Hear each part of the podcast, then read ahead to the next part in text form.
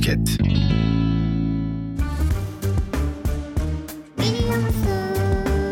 Ha? Biliyor musun? Ha? Belki de bilmiyorsun. Aha! Vücudumuzda ne kadar kan vardır biliyor musun? Aa, İnsan vücudunda ortalama olarak 5-6 litre kan bulunur.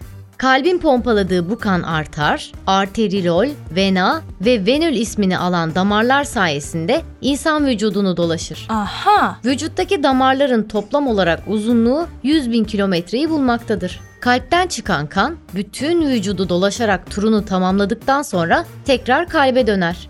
Kalp öyle güçlü bir pompadır ki bu pompa sayesinde kan vücutta her gün bin defa dolaşır. Böylece her gün yaklaşık 5000-6000 litre kan pompalanmış olur.